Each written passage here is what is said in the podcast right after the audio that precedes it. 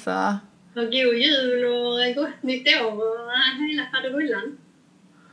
Ja, tack. Och eh, god jul och gott nytt till alla er som eh, lyssnar. Ja, välkommen till Compassion-podden. Um, det här spelar vi ju in som ett sista avsnitt 2020. Uh, eh, nästa visst ses så är det ju 2021. Så det är avsnitt... Tio? tid. du sa det till mig nu. Och, eh, men det var avsnitt 10, ja. Time flies. Avsnitt 10, det har varit jätteroligt att spela in alla avsnitt ehm, och då. Och, vi zoomar idag också ju, samma situation som förra gången. Vi försöker hjälpa till med den här minskade smittspridningen. Så vi håller tummarna för att det kommer gå Ja, att alla får hålla sig friska Ja, må väl. Det känns Mm. viktigt. det hoppas vi på. Ja. Ehm, idag så ska vi ju prata om gränssättning. Vi nämnde det lite grann i förra avsnittet när vi pratade om höga krav och perfektionism och så. Mm. Att, eh, eh, att ha en sund gränssättning är viktigt och det är ofta kopplat till självmedkänslan. Mm.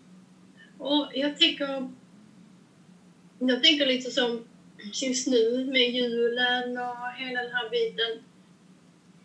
Och ha ledigt nu har jag det så himla skönt. Man känner, känner det när jag gick på liksom första lediga dagen att har verkligen behov av att gå in i ledigheten. Um, och att jag var tröttare än jag trodde faktiskt. Um, man tänkte att det var lite lugnare nu, man har inte varit så social och det har inte varit så mycket almanacka. Men det var ändå en annan slags trötthet i kroppen och sådär. Mm. Behöver verkligen ledigheten nu, behöver... Jag känner att jag behöver, om på tal om gränssättning, så behöver jag lite gränssätta den stora världen ett par veckor. Jag behöver få gå in i min lilla bubbla lite grann. Mm. Vad tänker du, Jeanette? Jag tänker att det... Ibland så låter, kan det låta så negativt när vi säger en, gränssättning. Men jag tänker att du, du sätter verkligen huvudet på spiken i att det handlar om att be, bejaka sina behov och, och bejaka det som jag behöver för att må bra. Ehm, förstås inte så att det ska gå ut över någon annan men, men att, att, att det kan absolut vara en sån grej som att ja, men just nu är det, det är väldigt mycket smittspridning, vi är mitt i en pandemi. Eh, jag vill inte i onödan utsätta mig för massa saker för det skapar så otroligt mycket oro och bekymring i mig och funderingar. Och det orkar inte jag med. Och då eh, behöver jag få skapa min lilla värld liksom, där jag kan få Mm. känna mig trygg och känna att jag är okej och där jag känner att jag får liksom andas och vara. Mm, så att hjälpa den här äh, kanske oron. Alla känner ju oro till olika grad i, i den här situationen. Men att det kan vara hjälpsamt att bara ibland bara släppa det, rikta liksom folk på. Men vad behöver jag nu? Ja, jag kanske behöver göra lite jul, julgodis, jag behöver kolla på någon mysig film, lyssna på någon bok. Alltså saker som jag mår bra av i, Mm. i detta. Samtidigt som det här pågår så att säga. Men att säga det, att man behöver lite ja, fokus på sig själv och vad man vad, vad jag mår bra av. Så tycker jag, jag är fortfarande, det är ju verkligen ett sidospår, men jag är fortfarande fascinerad över det, för jag tänkte på det här om dagen att eh, hela pandemin har ju liksom tvingat oss alla att sakta ner på ett helt annat sätt. Eh, och så, så tänkte jag så här, men nu när det är ännu mer smittspridning och eh, man kan behöva ta beslut kring att inte fira jul med, med vän, liksom släkt och vänner och så vidare och, och liksom banta ner julen på många sätt. Så, så det bara slog mig att, ja, och det tvingar oss att sakta ner ytterligare ett snäpp. Mm. Gud, Nej, jag har verkligen äh, märkt skillnad i det. Det är, det är lite som vi pratade om innan, jag har en stor släkt och både min man jag har skilda föräldrar, alltså jag är ju van vid att det är ett jäkla tempo på julen och det är många som ska besökas och, det är, och så har vi ju barn och då tänker man ju främst på barnen, att de ska träffa kusiner och det är liksom jag kan ju ärligt säga att det är inte så jättemycket fokus på mina behov de senaste mm, åren. Men eh, det är helt annorlunda i år och jag tror att man, ja, lite har jag fått upp ögonen på vad jag själv håller på med på julen liksom. Som kanske egentligen inte handlar om mm, vad jag vill alltid. Men eh, och det får ju vara fine det också liksom när man har barn så men att det behöver en balans i det. Så att jag tror att det kan vara bra detta året att ha en reflektion med att man kanske skapar nya traditioner mm. som är bra. Och att, att även, även i det som är väldigt tråkigt och sorgligt som inte blir av så kan det också finnas en, en möjlighet till att välja någonting annat, någonting nytt, någonting spännande. Mm. Eh, Alltså att man kanske kan få utforska helt andra saker. Vi kanske, alltså för att det inte blir en jul som alla andra år så kan jag få göra någonting helt annat. Ja, men jag mm. kanske dissar julskinkan och äter hummer istället. Mm. Eller vad det nu kan vara. Mm. Så det kan vara den biten. Sen, sen är, förstår man ju, alltså det är jättejobbigt också för många att sitta mm. ensam och hela nyår nu och så. Alltså. Så det är ju komplicerat att man ska komma, komma överens se sina behov, gränssätta och sen så ska det liksom andra förstå en, alltså vad som är vad är okej okay, liksom, mm. i dessa tider som är speciella. Liksom. Mm. För det är klart att det är mycket svårigheter i det. Mm. Att hitta den gränsen, liksom, vad är okej för vår familj och så. Det är ju alltid olika villkor, eller hur? Mm. Alltså, människor som sitter ensamma eller kanske är svårt sjuka eller mm, försöker ha den här medkänslan till mm. vad som ska funka. Mm. Mm. Mm. Var kreativa i det, tänker jag. Mm. Ja, det är många svåra saker vi ställs inför, tänker jag. Mm. Inte, och jag tänker att det är kanske inte så konstigt att man är trött i så slutet av ett pandemiår. Nej.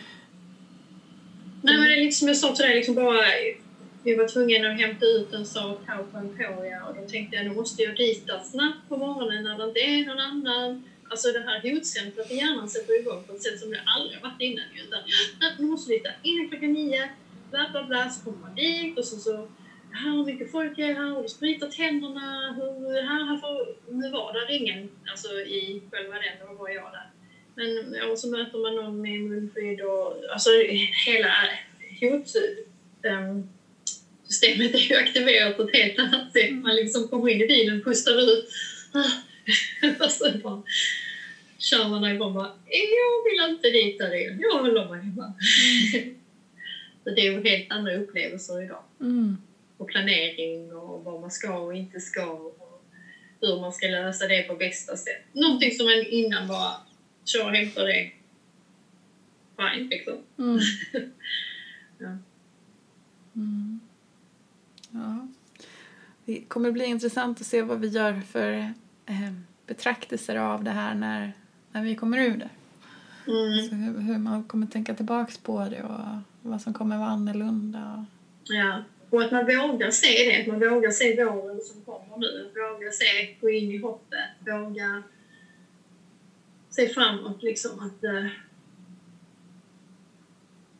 med vaccin och med mm med smittspridning som minskar när det blir varmare. Och mm. Om det följer samma kurva som det gjorde innan i somras och så.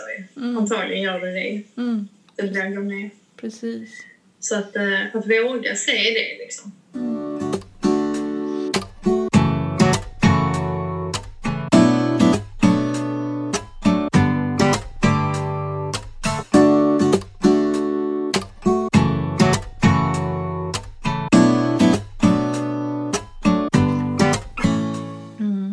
tänkte vi, vi pratade tidigare om det här med, med, med gränssättning och, och um, alltså hur kan man sätta gränser på ett, ett bra sätt, alltså utan att det blir aggressivt eller liksom mm. um, eller att man liksom... Ja, om jag tänker med självmedkänslan, hur skulle du hur skulle du beskriva gränser och självmedkänsla?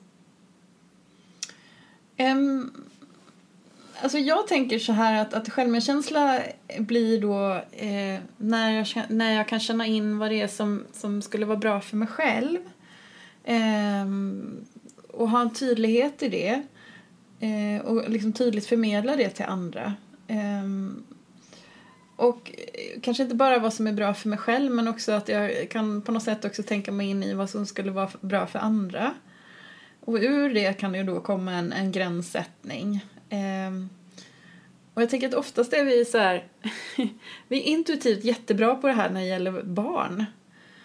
Um, de flesta liksom kan sätta de här gränserna utan problem om ett barn kommer och säger jag vill ha glass tio gånger på en dag. De bara nej. Och det gör vi inte för att vara taskiga, eller hur? Utan vi gör ju det för att, att vi vet att, att, att barnet mår inte bra av att äta tio glassar på en dag. Den första gången kanske man säger ja, men sen säger man nej. Mm. Och jag tänker att vi har den här intuitiva tillgången egentligen till medkänsla i det. Mm. Att det här blir ju inte bra för dig och det blir definitivt inte bra på dig, för dig på sikt. Nej. Med, med liksom, ja men du vet, eh, diabetes och, ja. och övervikt och så vidare. Och att det där har vi en sån intuitiv tillgång till eh, i, i någon form för vuxenroll. Eh, men att vi kan vara så rädda för att sätta gränser själva istället. Mm. Eh, jag tänker, det är ju därför jag tänker också självmedkänsla är så oerhört viktigt när man jobbar med gränssättning för att vi alla människor är olika och vi har olika saker som vi har varit med om i vår uppväxt. Vi har lärt oss olika saker och vi har eh, varit med om saker som kanske för en del gör att gränssättning blir väldigt, väldigt svårt. Mm.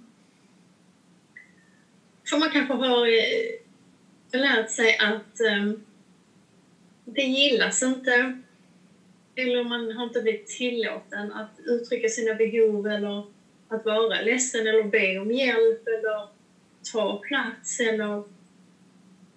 Mm, det har man fått lära sig att det var inte riktigt okej okay, och då tar man med sig det som vuxen. Sen ska vi inte heller glömma att vi också haft en, en, en uppfostringskultur av att det har handlat om de vuxnas gränser, inte om barnens att det har handlat om att, att, att barnen ska lära sig de, liksom, de vuxnas gränser. Men det har inte varit något fokus på när barnen själva liksom sätter en gräns, när barnen själva signalerar vad som är okej och inte är okej. Och att man behöver lyssna på det. Jag tänker att vi har haft en uppfostringskultur där man, man har haft så mycket fokus på liksom att barnen ska liksom anpassa sig till föräldrarnas värld. Eh, mm. Och inte så mycket till att, inte, att, in, att det är ett ömsesidigt utbyte egentligen.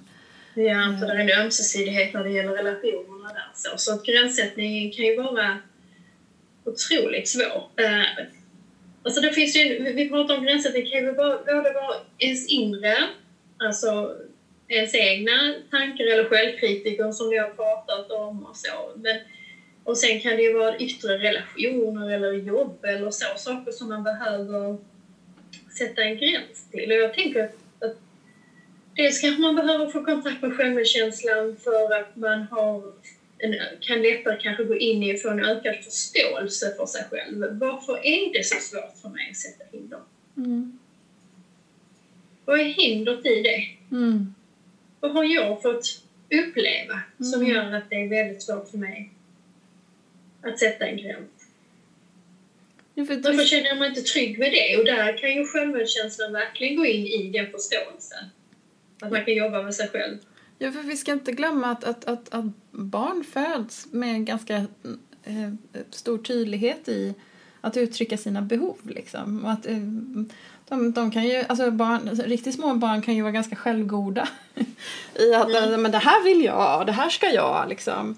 Mm. Eh, och har, eh, det, händer, det är någonting som händer som gör att man tappar det sen.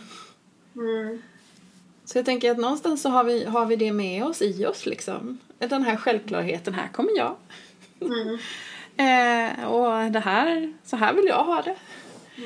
Eh, men lite beroende på hur man har blivit mött när man har kommit där som det kavata lilla barnet. Eh, eh, och hur, hur, hur väl det har tagits emot och hur man har, alltså hur den kommunikationen också har fungerat i familjen. Mm. Så kan det ju också ha gjort att, att, att jag kanske skäms när jag känner in mina egna behov. Mm. Jag kanske har lärt mig att, att jag måste sätta andras behov framför mina egna. Mm. Och att det sitter så djupt att det är då jag blir älskad. Det är då andra bekräftar mig. Det är då andra tycker att jag är okej. Okay. Mm. Så det kan ju bli ett lika med tecken att du hamnar i en relation så känner du att du har svårt att sätta gränser på att annars kommer min partner inte älska mig. Och det tänker jag gör ju också den här svårigheten av att då, alltså typ om man, alltså det är inte bara att sätta en gräns då. För att då, då drabbas jag helt plötsligt med den här rädslan. Ja men om jag gör det då kommer ju den här partnern försvinna. Så det är jätteläskigt att sätta gränser då. Mm. Och något man, man behöver jobba mycket med. Så det, som vi har sagt innan i tidigare avsnitt så är det här beroende på vad du har med dig. Alltså, mm.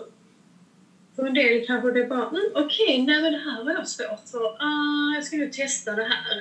Uh, så. Men för andra kan det ju vara en lång resa. Mm. Med terapi länge eller med ett arbete med sig själv länge. Mm. För att kunna hitta en sund gränssättning. Mm. Jag tycker själv att det är jättesvårt med gränssättning. Um, och har fått jobba med det. Liksom. Tycker, andra, tycker andra om mig om jag inte fixar och donar och är omtänksam? Så det är läskigt att sätta gränser där. Ja, det kan vara läskigt att bejaka det som finns i mig själv och ge uttryck för det. Mm. Um, det kan vara på olika nivåer. Vi pratar också liksom att, att, att, eh, man kan också hamna i ett medberoende, vilket är då en djup problematik där man har haft en längre relation eller en uppväxt kanske. Alltså typexempel brukar man nämna om man har föräldrar som har psykisk ohälsa eller som har alkoholproblem eller så. Där man tidigt då utvecklar en väldigt känsliga tentaklar där man känner av alla andras behov och känslor hela tiden för att undvika jobbiga situationer, för att rädda läget. Mm. Och då, då lär du dig inte det, då har du ju inte den här gränssättningen utan då är din fokus hela tiden på andras mm. andras känslostämningar, andras behov. Ehm, och då, då, då kan det vara en lång resa att hitta den. Mm. Um, så att man utplånar sig själv liksom för att det inte ska bli en katastrof eller för att inte andra ska... Och, då... och det kan man då ibland behöva lite hjälp med också att, att, att uh, reda i, att, att också mm. kanske få en större förståelse för vad det är som gör att, att det här mm. blir så otroligt svårt för mig. Mm. Och vad vi vill betona jättemycket, för det här är ett vanligt missförstånd, det är självmedkänsla är det är inte bara vänlighet, att man sitter och oh, hej och jag är så förstående för allt och alla. Och, alltså det är inte, där, utan där är ju en styrka, en kraft i att sätta gränser. Det är ju svårt att vara självmedkännande till sig själv om man inte sätter en gräns. Alltså om du trampar dig själv, kör över dig själv om och om igen, så är du ju inte självmedkännande. Nej. Så att är, det, det hör ju liksom ihop med självmedkänslan, så den kan ju vara ganska så drivande. Den kan ju vara väldigt bestämd och stark. Jag tänker att det blir den där, den där föräldern som säger nej till glassen egentligen. Som, den kan mm. ju vara ganska bestämd. Den är inte våldsam, den är inte aggressiv utan den är bara väldigt tydlig med nej, det blir inte bra. Och jag mm. tänker att, att um, och att det, ibland så kan den, den där bestämdheten också vara ganska hjälpsam för omgivningen. Jag tänker att det, det kan ge en tydlighet i vad som är okej för mig och vad som inte är okej för mig. Yeah. Eh, och då ser folk mig också på ett annat sätt. De har, aha, man hajar till lite. Man ser liksom så här, jaha, nej men det där, det där är en jobbig grej för Jeanette. Ja men då kanske jag ska liksom försöka vara lite mer smidig runt omkring det. Jag kanske inte behöver klampa runt i just det här då. Mm. Så man kan också få mer, mer liksom... Man kan få mer omsorg om man sätter gränser. Ja, absolut, och det kan vara det positiva. Och jag tänker också att om man tenderar att känna, så hur vet man att eh, Eh, gränser överskridas. Om, om du känner att du känner dig bitter, trött och besviken och så i relationer så, så behöver du ju liksom, det är lite varningssignal på kanske det att vad är det som händer här i den här ömsesidiga, den här relationen och varför är den inte det? Och man kan också göra en 360 på sig själv, liksom att se vad, vad, vad är min del i detta? Mm.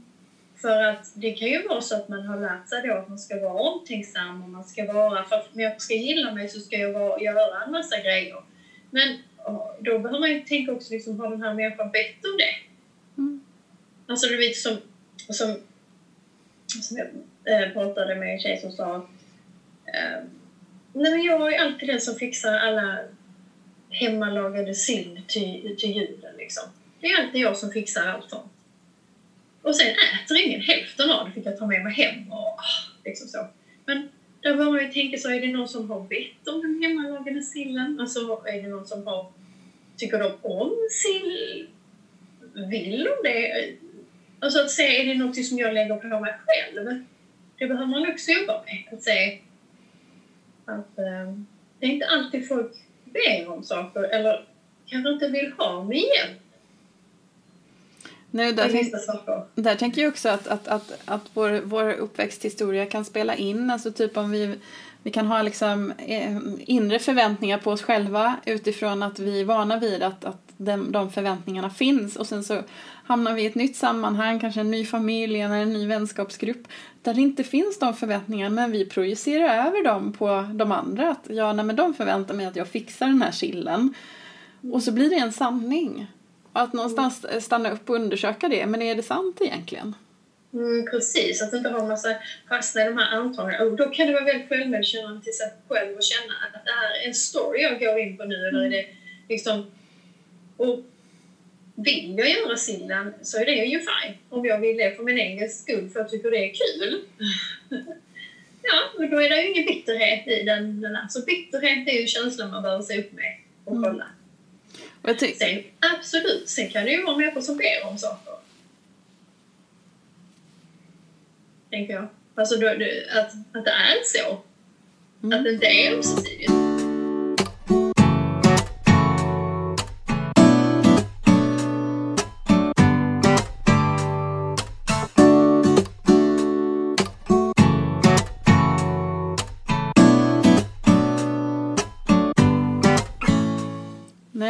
Jag tänker så här att, om man ska titta på eh, om man tittar på ilska till exempel. Att ilska har som funktion egentligen att, att signalera till oss när vi känner att, att någon har gått över våra gränser. Jag tycker att bitterhet är en, en, in, alltså liksom en passiv aggressiv eh, ilska liksom. Där vi liksom eh, går och muttrar på insidan och är bittra på insidan. Men vi är egentligen arga. Vi är arga för att jag själv eller någon annan har gått över min gräns. Precis. Så ilska är en viktig signal. Ja, så ilska, ilska är, är, är, ganska hjälpsamt i det här i att förstå att, att, att men här, här handlar det om gränser. Mm. Och, och, att, att jag kanske också behöver förmedla det här då. Vad är det för gräns som har, har eh, korsats här? Mm, jag tänker att med självmedkänslan då, man tänker så här, för det här kan ju vara svårt beroende på då vad man har lärt. Kan jag hantera ilska kan man fråga sig själv då. Hur har jag med ilska? Jag kan själv säga att um, inte varit helt lätt. Och för mig har det nog mer handlat om att um, det har inte varit riktigt okej okay att vara en söt liten tjej som är arg. Det lärde jag mig rätt tidigt i klassrummet att det är Nej, det var mer poppis med eh, eh, att man inte var så arg. Mm. eh, det var nog mer okej att killarna höll på och slogs och hade sig mm. eh, om de blev förbannade. Um, och då kanske man blir ledsen istället mm. eller börjar bli, liksom, gå in i det och börja grubbla och älta och bli självkritisk till sig själv istället och dra hem det till sig själv och så äter du upp hela ens helg när man kanske egentligen behöver säga ifrån. Mm. Um, och det där, det där gör det också, alltså det du beskriver där gör det ju lite snårigt för att den här ilskan då, för att den inte får komma ut i sin rena form egentligen. Typ. nu har du gått över min gräns, det är inte okej. Mm. Eh, Och istället vänds inåt så kan det ju bli lite snårigt att bara reda ut att, att det, egentligen så är jag arg. Mm. För då är det svårt med gränssättning och det, alltså, det behövs mycket förståelse för sig själv. Och självmedkänsla då tänker jag i den förståelsen. Mm. Så där kan det ju vara liksom att man känner en känsla och så sen så, okej, just det, den här känslan har jag jättesvårt för nu. Alltså, jag känner att jag är arg, men jag har svårt att, att förmedla den. Och att ha en djup förståelse för sig själv, att det här är ett lidande för mig, att ha den förståelsen, att hjälpa sig igenom det och kanske liksom fundera lite och sen träna sig på att nå den här tryggheten, att jag kan sätta gränser på ett bestämt men vänligt sätt.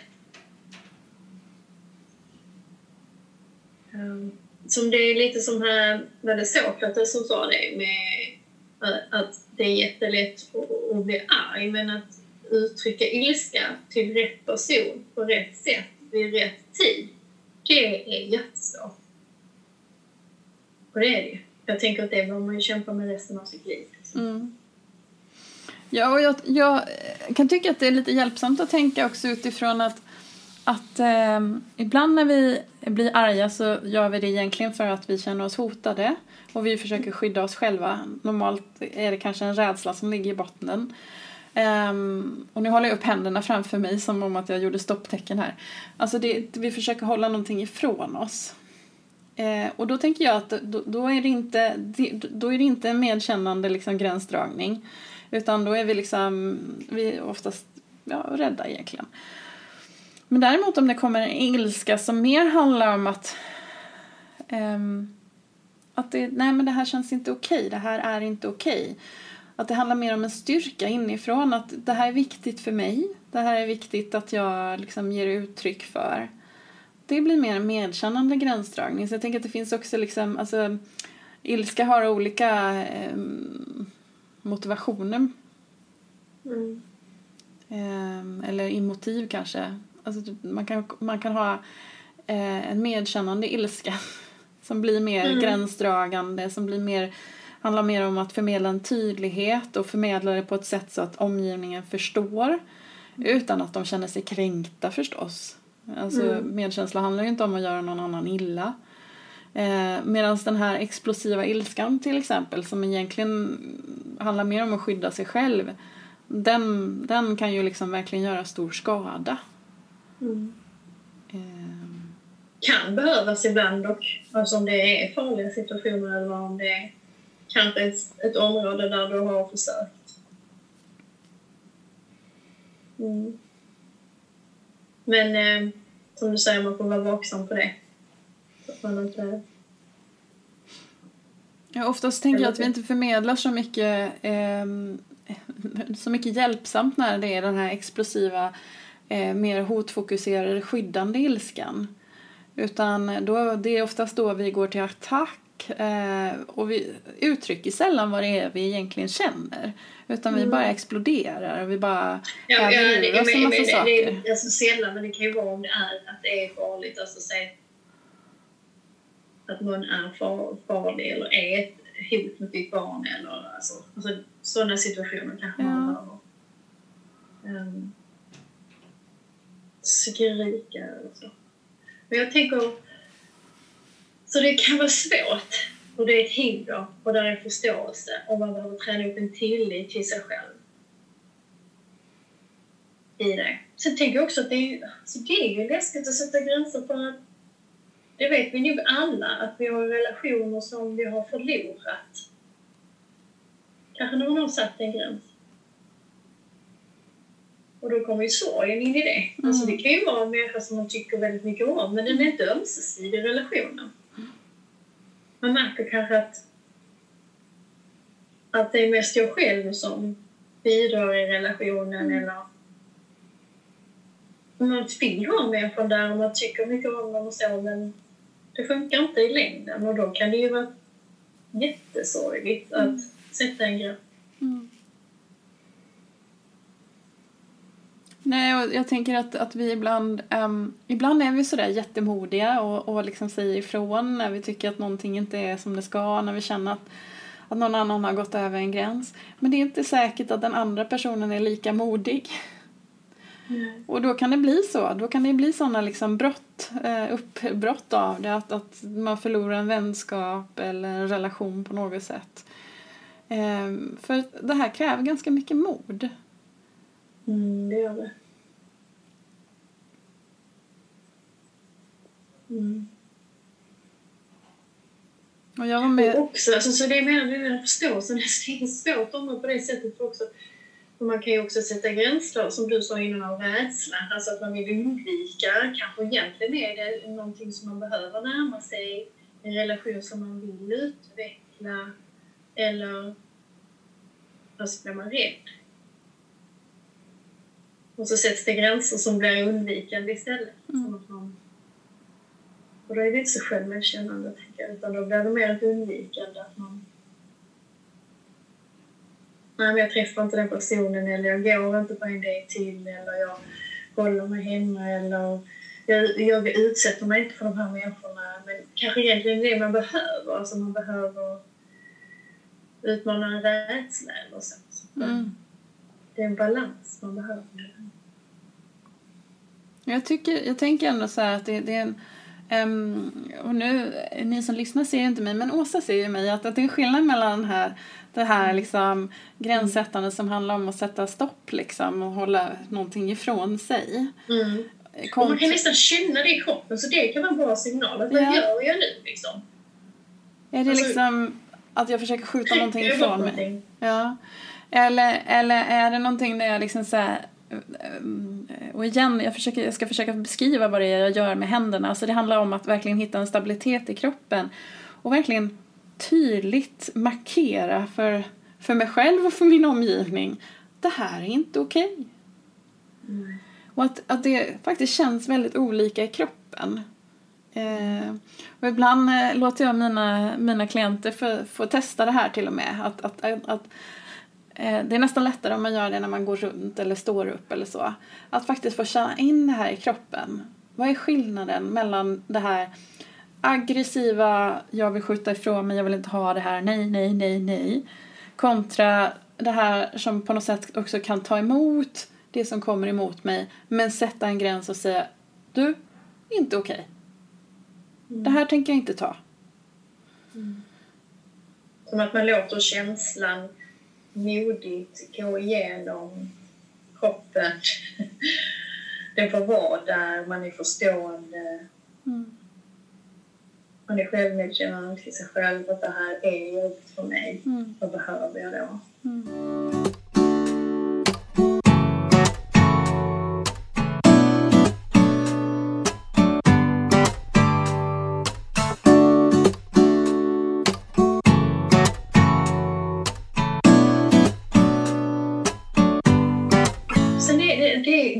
Klart att det är det. Ibland får jag höra, säga patienter så här, men det är ju inte alla som tar mina gränser.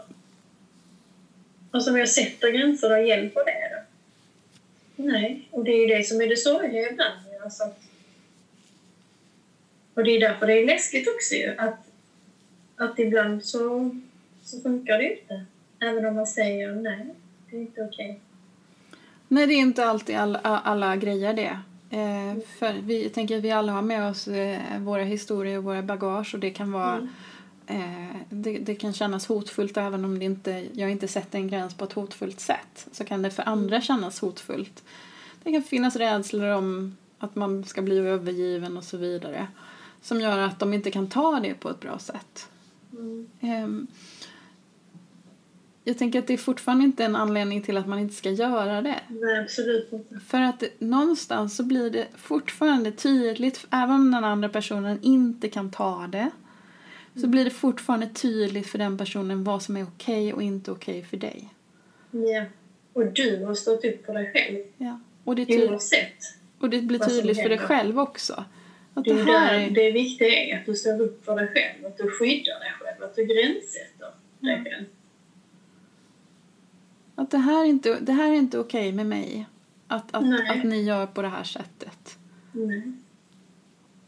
Och jag tänker till skillnad om man då tänker sig det här som du nämnde innan med att vara mer självutplånande.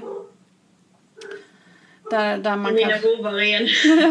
Kommer där man, där man Nu liksom... gränssätter han. Det får inte gå förbi någon annan här utanför dörrfyts.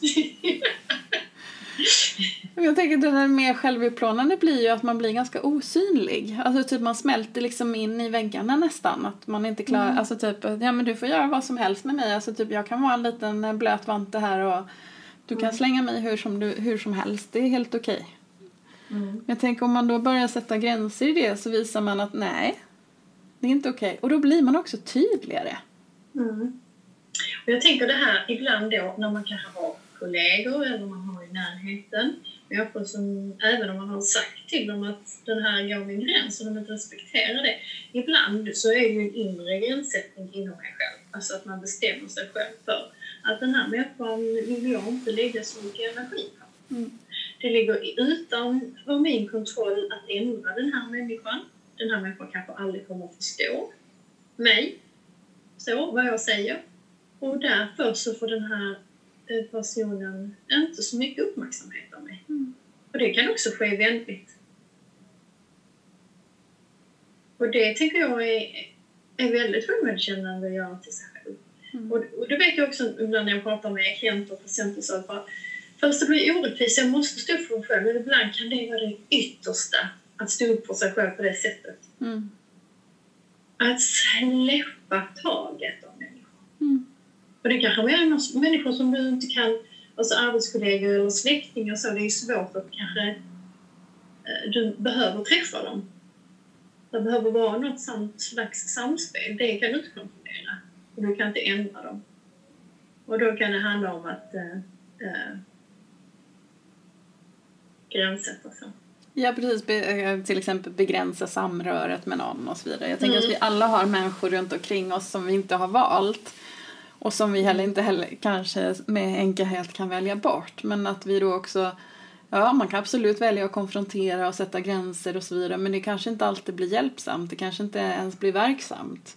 Utan kanske tvärtom gör saker och ting ännu värre och att då kan man behöva få begränsa liksom så att det blir bra för mig, så bra som möjligt för mig givet att jag Mm. måste vara i den här situationen. Ja. Och nu behövde jag gränssätta till min son som sitter och spelar dataspel i rummet bredvid. Smsar precis till honom tyst. Det är jäkla gränssättande här med att jobba hemifrån. Ja. Med hundar och unga och allting. Ja. Jo men alltså det är en viktig grej det du säger där. Mm. Ja. Så det är alltså olika svårt där med, med gränser. Så det kan vara både inre och yttre grejer man behöver träna på. Men jag tänker, jag tänker lite så här, för vi brukar ju försöka ge några eh, lite så mer handfasta tips på hur, hur man kan göra det här. Eh, jag vet att många längtar Mm. efter huren. Även om jag alltid är så här, nej vi måste förstå först innan vi går in på huret. Vi måste veta varför. Varför är det så här? Varför är det svårt? Ehm, men, men jag satt ändå och tänkte lite på Alltså om man, om man vill börja att, att träna så smått på att sätta gränser. Mm. Hur man kan göra. Har du några bud på det, Åsa? Mm. Det börjar där vi pratar om, det är förståelsen för sig själv, tänker jag. Och så där, att öka den. Med vänlighet. Förståelse. Mm. Närma sig det. Vad har jag med mig? Vad är, vad var, och blir det svårt för mig att sätta gränser? En grej som jag har gjort, det är att jag skriver upp. Jag gör en sån här relationscirkel. Ibland gör jag det med mina patienter också, att jag kollar av mina relationer och hur pass nära de är mig. Alltså, här är jag i mitten. Alltså nära relation menar jag någon som liksom, där har vi inte så jättemånga, men de kanske har sin, sin man eller sin partner eller barnen eller alltså någon nära vän och så, någon som man anförtror sig till. Som man är sårbar till, som man berättar sina jobbiga grejer, som ser ens eh, mindre eh, attraktiva sidor. Men de, och sen kanske jag kollar sen liksom, vilka, vilka har jag mer? Alltså om det, var, var ligger de i min närhetscirkel? Liksom? Att man kan ju ha olika slags relationer, det behöver inte vara bra eller dåligt. Eller? Man kan ha vissa som är som man har roligt med, man delar ett intresse med och vissa har... Och där, där har jag hjälpt mig lite att gränssätta liksom, vilka är ömsesidiga, vilka vill jag ha längre in, vilka vill jag liksom lägga min omtänksamhet, alltså när, var fungerar det flödet? Att kunna se lite, för att om jag inte gränssätter det så kanske jag ska liksom hjälpa alla, jag ska vara omtänks, alltså, lägga min energi på alla liksom och kanske försöka dra in alla längre i cirkeln. Fast det behöver inte alls alla göra. Mm. Som att, att det är liksom en tolkning om att, att jag behöver liksom ha alla nära och att, att, alla ska liksom tycka om mig. Så det behöver inte vara så. Att jag kan liksom lite gränssätta för mig själv. Hur är mina relationer? Mm. Att jag ser lite tydligt. Mm. Att jag får en förståelse för mig själv. Att ibland kan jag tolka det som att är det liksom jag ska agera på likadant sätt med alla. Mm. Men så är det ju inte riktigt och alla vill inte det heller som vi har pratat om innan. Och då kan det vara väldigt bra för mig att tydligt veta vad är min relation med den här personen. Gud, vilken, vilken bra ingång, Åsa, att, att faktiskt undersöka sina relationer lite grann och och liksom, man också utvärdera lite. Men är det rimligt att jag lägger så här mycket tid på den här relationen som är så otroligt långt ifrån mig eller ytlig? Um, behöver jag lägga så mycket krut eller finns det någon annanstans jag behöver lägga mer krut? Och det, bara det i sig kan ju vara en gränsdragning. Mm. Uh, utan att man liksom har haft en, en, en, fullskalig konfrontation med någon så väljer man vart man prioriterar sin tid och sin omsorg. Mm. Och man kanske också kan se den här ömsesidigheten. mm. Eh, var finns det? Och det kan ju inte bara det handlar ju om mig själv också. Alltså att var, mm. Var behöver jag kanske lägga lite mer krust? Alltså mm. var, var behöver jag bli lite mer ömsesidig? Mm. Det handlar inte bara om hur andra är mot mig utan det är hur jag är också. Mm. Och det är någonting med ömsesidighet som är väldigt medkännande. Det där att, att liksom, mm utforska ömsesidigheten. Att, att det, ska vara, det ska gå åt båda hållen. Mm. Och när det inte gör det... ligger ett ansvar hos sig själv också ju. Ja. Liksom att, mm. Och när det inte gör det, vad handlar det om? Varför är det så? Att, att mm. faktiskt våga titta lite på det, utforska det. Ja. Jag tänker också att att börja, alltså jag tänker att det är flera steg men jag tänker att det första steget är absolut att sakta ner och kanske en, en, en pandemi-julhelg mm. eller julledighet kan vara ett sånt tillfälle att faktiskt sakta ner och så börja liksom du vet, ge akt på det kan vara så enkla saker egentligen tycker jag om det här? Vill jag ha det här? Alltså för att bara göra den här, den här inre rösten lite tydligare för en själv.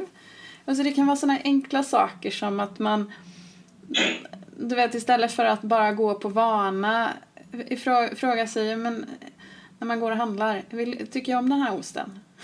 Mm. Är det här en, en, en, alltså seriöst, tycker jag om den här osten eller finns det någon annan ost jag hellre, hellre vill ha? Mm. För att liksom locka fram den där inre rösten lite mer, få bejaka någonting som är mitt, mitt inre behov. Och jag tänker att, att få göra det i, i en kontext som inte blir utmanande för någon annan kan vara att få träna lite på lugnt vatten liksom. Att lära sig simma på lugnt vatten snarare än att, att det blir i konfrontation med någon annan. Det kan vara ett annat sätt tänker jag.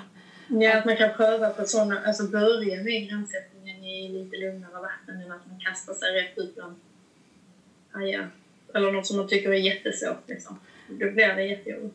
Ja, jag brukar alltid säga till mina patienter att, att vi kanske inte ska börja med att konfrontera, konfrontera dina föräldrar. Nej.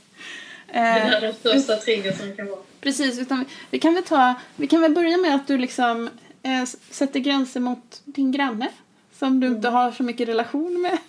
Mm. Eller, eller en, en, en, ja, någon bekant Mm. Så kan man få börja på att träna så här långt ute i cirklarna. Ja. Och då tänker jag, det är, som, som säger, det är ju då både relation, alltså gränssättningen är på så olika många plan. Att det kan vara relationer, det kan vara att jag gränssätter mot um, Alltså som vi pratade med stress innan, att jag gränssätter med min prestationsångest eller självkritiker. Liksom att jag väldigt lägger märke till den och liksom okej, okay, jag hör det, jag behöver inte det idag. Mm. Eller vi pratar liksom om att när man är stressad får man mycket måste-tankar, att vara liksom medveten om dem och kunna säga men vad behöver jag? Jag förstår att jag är stressad nu, det är därför jag får så mycket måste-tankar. Eh, tack så mycket för förslagen, Anna. Eh, men jag måste känna efter här först. Mm. Nej, jag hinner inte. Jag känner att jag orkar inte göra alla de måstena idag. Så, jag behöver det här. Det är också en gränssättning. En inre. Precis. Så det är, också en heltidssyssla, hör jag det här med gränssättning. Men också ett sånt bra, bra, liksom bra att, att börja träna i sitt inre så att säga med, med den här inre dialogen och du visade väldigt tydligt den här inre dialogen också. Att, att, att sätta lite gränser mot de här mer kritiska tankarna. Att bara, nej, ja tack, men nej tack, inte idag. Mm. Eh, sätt dig bara byta bänken just nu, jag behöver någonting annat. Finns det, finns, mm. finns det, finns det några, som, några tankar eller känslor som är mer stöttande här? Kan vi, mm. kan vi ta ut dem på spelplanen istället? Ja. Absolut, så det blir en inre gränssättning som kanske, alltså självkritik kan ju mycket väl vara satt där, alltså den har blivit har hamnat på din axel på grund av yttre omständigheter som du har haft när du har växt upp. Så den har ju liksom hamnat där av en orsak och det är avsnitt två, vi pratar om det, mm. Men det är också en jätteviktig del av självmedkänslan att förstå den. Ha den här liksom förståelsen och, och som du säger, inte liksom sätta upp händerna bara, utan bara mm. Låt den strömma igenom dig, förstå den. Och se sen vad, vad, vad behöver jag i mm. mm. Men jag, men jag, och jag tänker också på det här som du är inne på, att vara gränssättande mot sig själv. Att, att, att, att kanske också um, ifrågasätta sina egna måsten och borden. Mm. Alltså för den tanken kommer ju så lätt upp inom oss. Oh, alltså jag måste göra det här. Mm. Måste. Alltså, och bara, ja, måste jag det? Mm. Vad händer om jag inte gör det? Mm. Går världen under? Mm. Eller finns det någonting jag vill göra? Mm. Va, vad säger den här känslan egentligen? Alltså typ om jag fick gå på bara lust och längtan. Mm. Vart, vart, vart, vad skulle jag då vilja göra? Och vad skulle hända om jag fick gå på den känslan istället? Mm. Um, det kan också vara ett sånt sätt att, att, att träna det här lite. Bara börja så här, ja, dra lite i den. Mm. Se om man kan göra den lite mer tydlig. Så jag tänker det här, du vet många tänker nyårslöften. Och då kan det lätt bli en massa måste.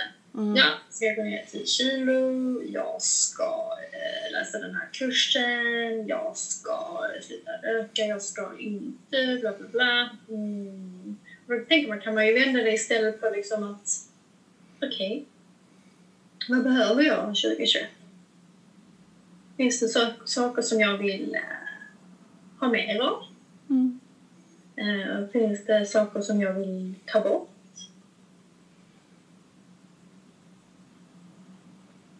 Att kunna se, liksom,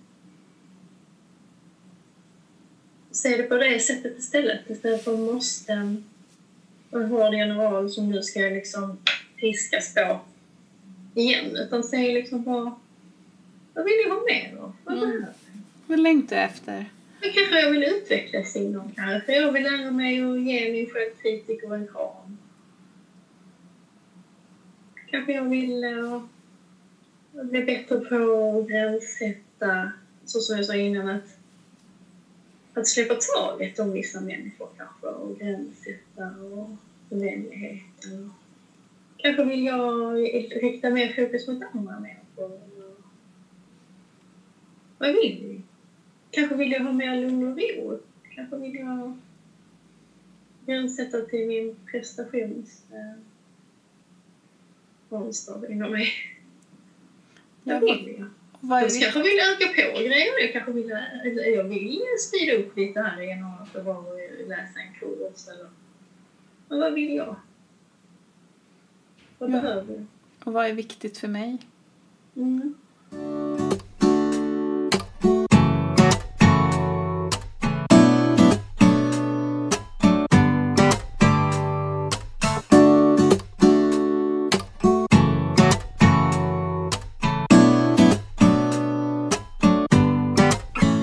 Tror att, att ehm, jag hoppas att ni förstår hur, hur viktigt det är med gränssättning och hur pass starkt kopplat det faktiskt är till självmedkänsla. Mm. Och självmedkänsla är en enorm styrka. Mm. Det är inte som jag har sagt innan, det handlar inte liksom om en, en önskan eller bara en, att man är mjuk och vänlig så, även om det är en ingrediens inom en ju som man tränar och når och på olika sätt så, så handlar det också om att kunna stå upp för sig själv. Mm. Att skydda sig själv ibland. Ibland kan det behövas, man behöver faktiskt skydda sig själv. Ja. Mm. Vem vill jag ha i mitt liv? Vem tar jag in? Jag, vill jag bli behandlad? jag tänker att äh, jag kan uppleva det som ganska hjälpsamt att tänka på vad längta är efter i olika situationer. Tänker att i vissa situationer ska vi ha en sån längtan efter att det är någon som står upp för en. Och då tänker jag att det är precis, ja men där kommer ju med, medkänslan in. Medkänsla, alltså mitt medkännande jag ska vara den där som står upp för mig, som, som ger mig en röst i de Mm. stunder jag verkligen längtar efter någon som står upp för mig. Mm. Och jag tänker att man kan nästan märka, om man har tränat sig på självmedkänslan så blir man bättre på att förmedla saker utan taggar. Är du med på vad jag menar nu? Mm. Att man kan känna det med människor som har tränat självmedkänsla så. Alltså, att man märker att de tar in något jobbigt och sen är det liksom, det går in här i centrifugen här, oh, det här är svårt för mig att förstå. Så, och sen så kommer det ut liksom, ja, fast du, jag har tänkt på en grej. Att jag skulle hellre vilja, alltså förstår du, Mm. det är inga taggar i Mm. deras gränser.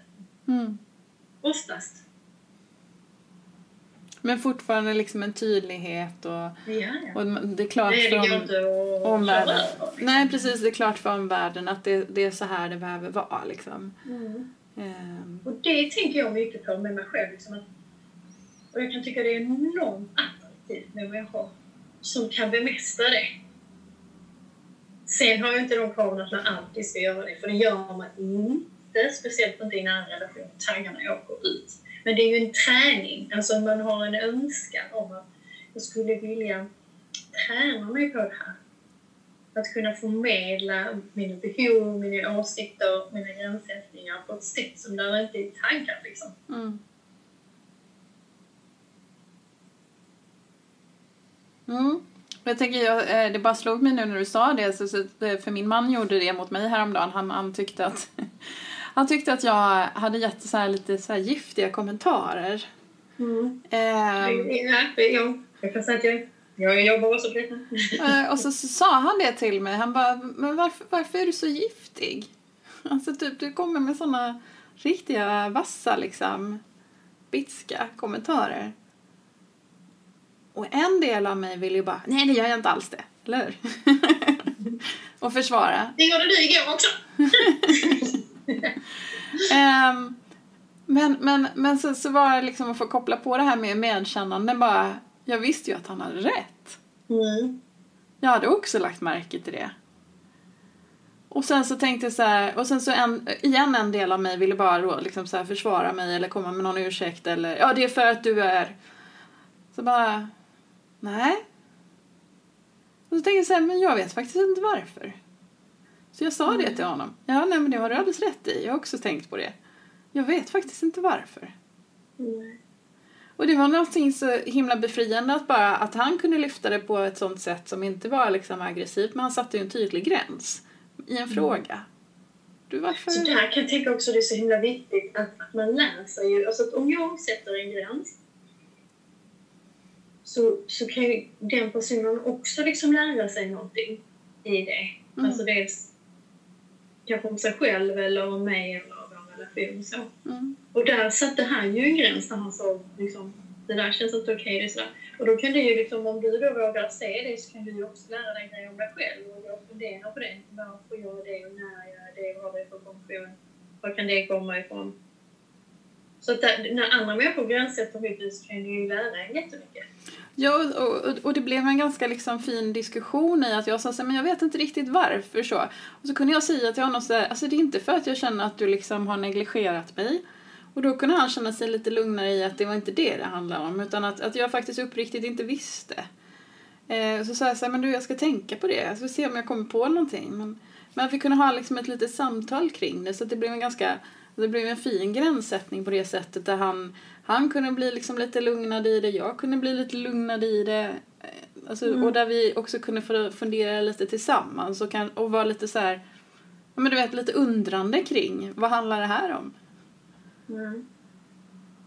Så att där svarar ju inte du med taggar utan där tänkte du mer liksom Ja, fast Du det, kanske först känna det så men sen ta igenom okej vad handlar detta om? Det är faktiskt sant. men jag tänker att, att, att det, det, det kräver ju att, att det är två människor som, som kan eh, koppla på sitt medkännande. Han, Mm. när han lyfter det här, att han inte säger vad fan håller du på med? Mm. Eh, som hade varit mer aggressiv gränssättning utan bara ställa, vara lite undrande kring det. Och jag som också då, när han då gör det så kan jag också vara lite mer undrande kring det och inte heller taggarna utåt. Att det är ju lite hur, hur man möter varandra. Att är man två, Ja. två människor som kan koppla på sitt medkännande så blir det också lättare. Mm. Och därför tänker jag att man får medkännande att det är svårt. Alltså det är någonting man får jobba med tänker jag resten av sitt liv. Men man, man kan ju bestämma för sig själv för att man vill utvecklas inom det, att man vill bli bättre på det. Mm. Jag menar man kan ju leva ett helt liv och inte bry sig om det och fortfarande vara jättetaggig och, och ska, tänker inte jobba med det. Nej, men då, då får det ju vara så. Men om man har man kanske har en önskan och en längtan av att utvecklas inom det. Mm. Alltså att det är en värdering man har också. Man vill ha, man vill ha de relationerna, man vill ha mindre taggar både inåt och utåt. Det är ju ihop. va? Om du fäller ut taggar får vi ju oftast tillbaka. Ja. Så att är du ofta i konflikt och så, så behöver man ju också göra en 360 och se. Mm. Eh, För det kan också vara ett sätt man har lärt sig. Att sätta gränser är att fälla ut taggar. Mm. Och, eh, Det kanske är det enda sättet jag blev hörd och, och sedd på. Ja. enda sättet jag blev hörd och då behöver man ha förståelse för det också. Problemet blir då när man är vuxen och gör det så får du tagga tillbaka. Mm. Då blir en väldigt negativ spiral. Mm. Men det kräver igen en mod och det gjorde det ju här om, här om kvällen om mig också. Det krävde ju att Mm. jag på något sätt också tog ett par extra djupa andetag och liksom så här lät det här inom mig som bara ville protestera och skylla ifrån mig och attackera. Att bara, nej, nej, avbyta bänken, hallå. Här behövs någonting annat. Nu är det dags för medkännande jaget, steppa in. Mm. Men det kräver att, att, att man har det modet också. Att ja, nej, men det här känns jätteobehagligt. Det, det stannar vi kvar lite i. Mm. Så där kan jag också säga det är också ett tips att man kan säga så okej, jag ska börja träna mig på att stanna upp. När jag, jag ska börja lära känna den känslan. Om jag känner mig attackerad eller kränkt eller så, så ska jag börja träna mig själv att stanna upp i de situationerna. Mm. Alltså att man har satt fram det medvetet och bara okej, kan jag liksom bara, jag bestämmer mig för att jag stannar i de situationerna och bara, det här är en sån situation. Och det känns jätteobehagligt. Det känns som jag nästan har en eh, bubbla över huvudet liksom. Bara, Usch vad jobbigt. Men om jag kan, kan träna mig att stanna i den en liten stund och bara, och jag har bestämt mig för det. Jag, jag ska träna mig på dessa triggersarna. Hur känns det när jag känner mig kränkt? Hur känns det när andra gör taggar för mig? När andra kulturtaggar, som sagt, man har inte kontroll på alla andra människor och så. Och hur, hur kan jag liksom lära mig det och hantera det? Mm. Det är också en grej. Mm. Och det behöver man vara modig och tänka liksom att, eh, att man gör det för sin egen skull.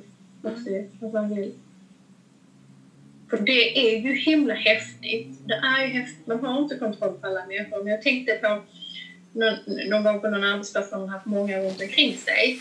Och då kan du ju inte ha kontroll på hur att alla ska jobba med detta. Så en del har eh, taggar mycket. De kommunicerar så. Och, och, och att, då, att, att då bestämma sig för okej, okay, mm, jag ska träna mig på att inte liksom... Jag ska träna mig på att ta de här taggarna. Nu kom den här taggarna. Kan jag stå stilla i det och bara... Mm. Okej, okay. jag kände dina tankar. Kan jag vara lugn i det? Kan jag sitta still i båten i det? Kan jag ta hand om mig själv i det? Och fundera på vad som är det bästa i det. Mm. Vad behöver jag i det? Och kanske också då ha en förståelse för både mig själv men också ha en förståelse för min kollega eller medmänniska. Så okej, okay, det här är en människa som har lätt för att gå i försvar med tankar. Kanske inte alls som med mig gör och, och, när jag har mött andras taggar så, så har jag tänkt så här med en gång att jag måste, jag måste ha något så här inövad respons liksom. Eller jag måste vara jag måste mm. vara snabb i det men att, att, att, att det jag har eh, konstaterat i att bara liksom ja men faktiskt bara att i de stunderna till och med sakta ner ännu mer bara du vet, och så här, nästan bli lite tyst och stilla, stilla tänka att men ouch, det där gjorde ont ju. Mm. Alltså så. Bara det i sig har ibland blivit en tydlig gräns gentemot den andra. Att den ser liksom att, att, att, att jag reagerar.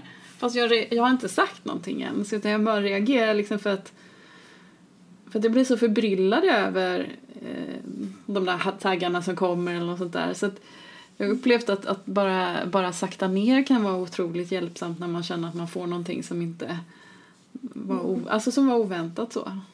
Så var medkännande till sig själv då. Det var en tagg, det där gjorde ont. Det har hänt lite andra gånger med den här personen också. Så man, man liksom är lugn i det, man liksom står kvar i det. Och sen kanske också tränas på att okej, okay, den här personen jobbar väldigt mycket med det här. Alltså, av någon anledning har ett starkt försvar. Liksom. Mm. Man kan se det också. Det kan vara hjälpsamt för en själv. Mm. Så det är inte alltid liksom att äh, försvar är inte alltid liksom att man ska gå till attack tillbaka. Liksom. Nej. Ibland kan det vara det sämsta för då är det bara tagga ut, tagga ut, tagga ut, tagga ut och sen är man bara fast i det. Och jag tänker, jag tänker att det är liksom en liten bra så här, tumregel när det gäller så här, men vad är medkännande. Alltså hotfokuserat är oftast väldigt snabbt och det är liksom puff, reaktion. Medkännande det är ganska långsamt, reflektivt liksom. Så att, mm. um, om man är lite osäker på vad som är vad så kan det vara en bra början i att, att ja, men om vi bara sakta ner och ser vad som händer. Mm. Eh, så... Absolut, och det kan vara vad som Absolut finns det situationer med, med människor som är hotfulla eller människor som faktiskt är väldigt skadliga för en där man behöver vara otroligt eh, tydlig och bestämd. Mm. Uh, herregud, det finns ju de som har relationer med psykopater och så. Alltså där, um, där det är livsviktigt att skydda sig själv väldigt starkt. Mm. Mm. Men också där var... För det, för det mesta så är det ju inte så, utan för det mesta så är det ju liksom ett flöde. Liksom, mm. liksom när man sänder ut själv och så. Mm. Mm. Hjälper. Mm. Mm. Ja. Så förståelse. Mm. förståelse för sig själv att det är väldigt viktigt. Mycket. Och, och, och våga närma sig det som är svårt. Mm. Men det är viktigt med kunskap. Mm. Jätteviktigt. Mm. Och för en del kommer det lättare och för andra får jobba med det. Beroende på vad man har varit med om. Ja. Och jag tänker att ibland behöver man lite hjälp med det också. Mm, ja, att man vågar göra det också. Då men be om hjälp. Om det här känns jätteknepigt, be om hjälp. Ja. Absolut. Och jag tänker just det här också, den här bitterkänslan, det, det är en information. Mm. Har man den mycket så behöver man fundera lite på varför har man det. Mm. Jag brukar själv, när, när min, min bitterhet dyker upp så brukar jag då brukar jag omformulera det till att eh, då har jag gett mer än jag har. Mm. Alltså jag har gått över mina egna gränser på något sätt. Ja, precis. Så det är bara att stanna upp i det och förstå det. Liksom, och Ja. korrigera kanske. Ja, det, det är liksom det är en liten signal om att det är minus på saldot liksom. Ja. Eh, och att jag behöver kassera in lite, lite någonting först. Mm. Eh, och det, jag tycker att det, det, det är ett hjälpsamt sätt att tänka kring bitterhet. Att jag har Mm. gett mer än jag har. Mm. Mm. Ja. Och till slut, liksom, när man tränar sig på detta så blir det mycket tillit till sig själv och som vi har pratat om, med självkänslan att jag är okej även med mina, alla mina sidor. Jag är värd och jag är värd att älskas. Liksom. Mm. Jag är värd att sätta gränser. Ja, och du var inne på det som, som är den andra sidan av, av bitterheten tänkte jag också. Jag kanske har gett mer än jag har men jag kanske också har gett mer än jag får. Mm. Och att, att, att, att, att, att någonstans är det ju någonting i mig som signalerar att jag, jag är värd någonting också. Jag ska, jag ska gärna ha någonting tillbaka. Det ska finnas en ömsesidighet. Mm. Ömsesidighet är viktigt. Mm. Det. Mm. Jag tror det är en stor del av eh, gränssättning är ju en stor del av eh, liksom, att, att man känner att man har bra liv. Liksom, vem man släpper in i, i sitt liv. Alltså vad man har för relation och vad man har för relation till sig själv. Och arbets... Och har ju inte ens nämnt det men, nästan, men arbetslivet idag är ju gränslöst. Mm. På ett helt annat sätt än det var innan. Mm. Innan var det ju jättetydligt liksom. Nu checkar du in klockan åtta och checkar upp klockan 16 och detta är din titel och du jobbar här tills du får din guldklocka. Det är en rak linje. Blablabla. Så. Det är ingen som kommer ringa dig efter 16.00. Så.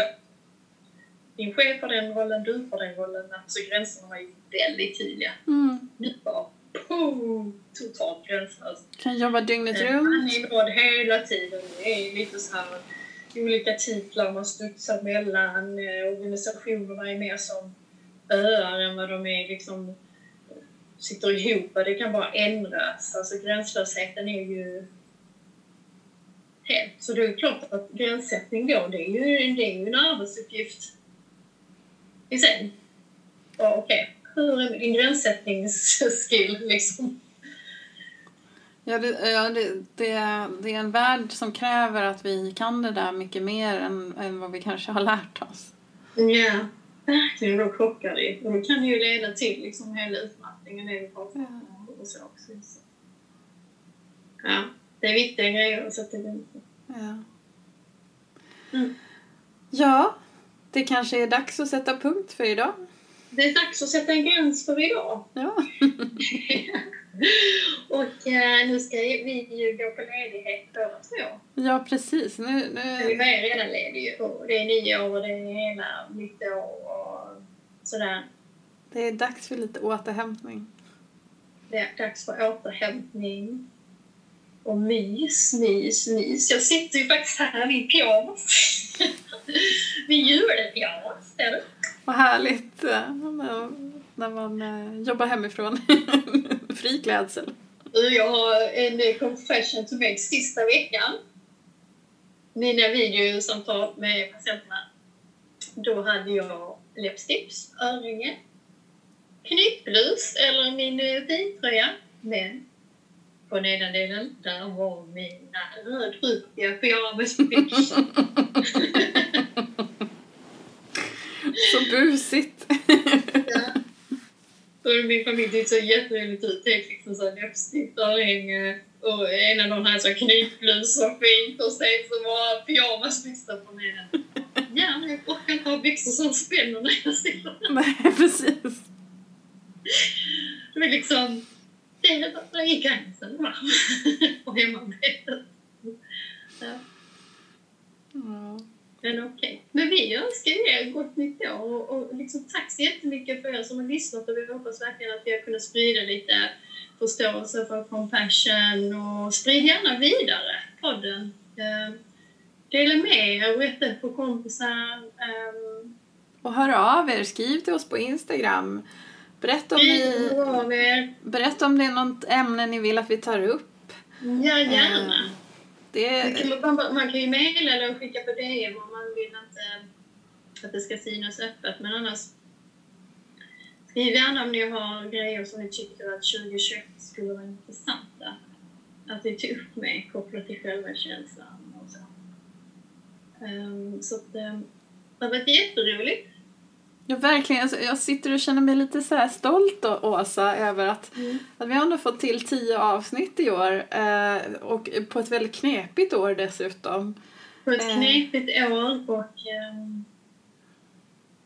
jag tycker att vi har haft tillit i det, eller hur? Vi har ju liksom bara snabbt pratat igenom och sådär. Och sen så kör vi. Ja, verkligen. Och, eh, att det finns, en, eh, det finns mycket medkänsla även i poddinspelningarna, tycker jag. Att, Ja, man får, till oss själva och varandra. Det, vi, vi, eh, vi har gjort det så att det liksom ska kännas bra.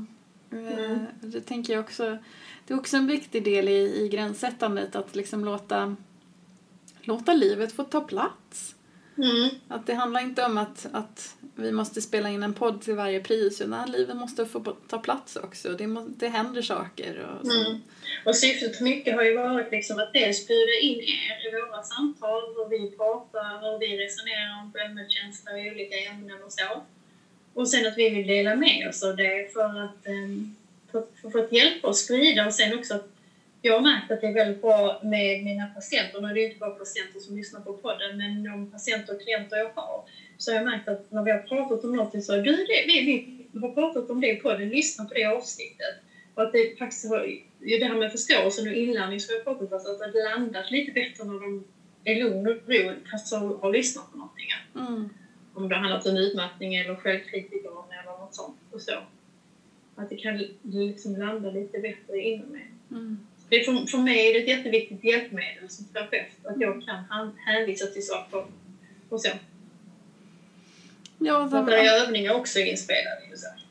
ja, att man kan, eh, även om man har avslutat sin terapi till exempel, kan man få liksom lyssna lite, få en liten booster eller om man går och grunnar på om man vill börja terapi också kan få börja tankegångar liksom kring hur, men hur, Mm. hur gör man? Hur utvecklar man sin medkänsla? Eh, Så jag Mm, tycker att vi är nåbara. Psykologer tänker jag är viktigt. Att det, Mm. terapi är nåbar. Terapi kan man gå som de gjorde anledningen kan vara att man verkligen behöver hjälp med en specifik diagnos. Så. Eller också kan det vara för att man är nyfiken, man vill jobba med sin självutveckling. mm. Det behöver inte vara att du har ett liksom, eh, psykiatriskt eller psykiskt tillstånd som behöver behandling. Det har vi också ju, alltså många patienter inom, men ibland kan det ju vara jag, jag vill bara utvecklas inom det. Mm. Och det säger vi att vi fortsätter med, eller hur? 2021. Ja, eh, Så, eh, eftersom vi har gjort det året till trots så tänker jag att det, det bör vara helt möjligt att göra nästa år också. ja, och fortsätta vara nyfikna. Nyfikenhet är en viktig känsla. Absolut. Ja. Man är öppen och att man eh, fortsätter utvecklas, man är nyfiken på livet och ser vad har det har att göra. Man går framåt istället för om man hamnar i depression och så. Mm. Det är en viktig känsla ju. Mm. Ja, vi får hoppas på en god start på det nya året. Ja, ett steg i taget ur den här pandemin och eh, nu är det jul och nyårsmys som gäller. Ja. Och tack alla ni, tack alla ni för att ni har lyssnat. Ja. Hallå. Hej, hej. Ha det gott.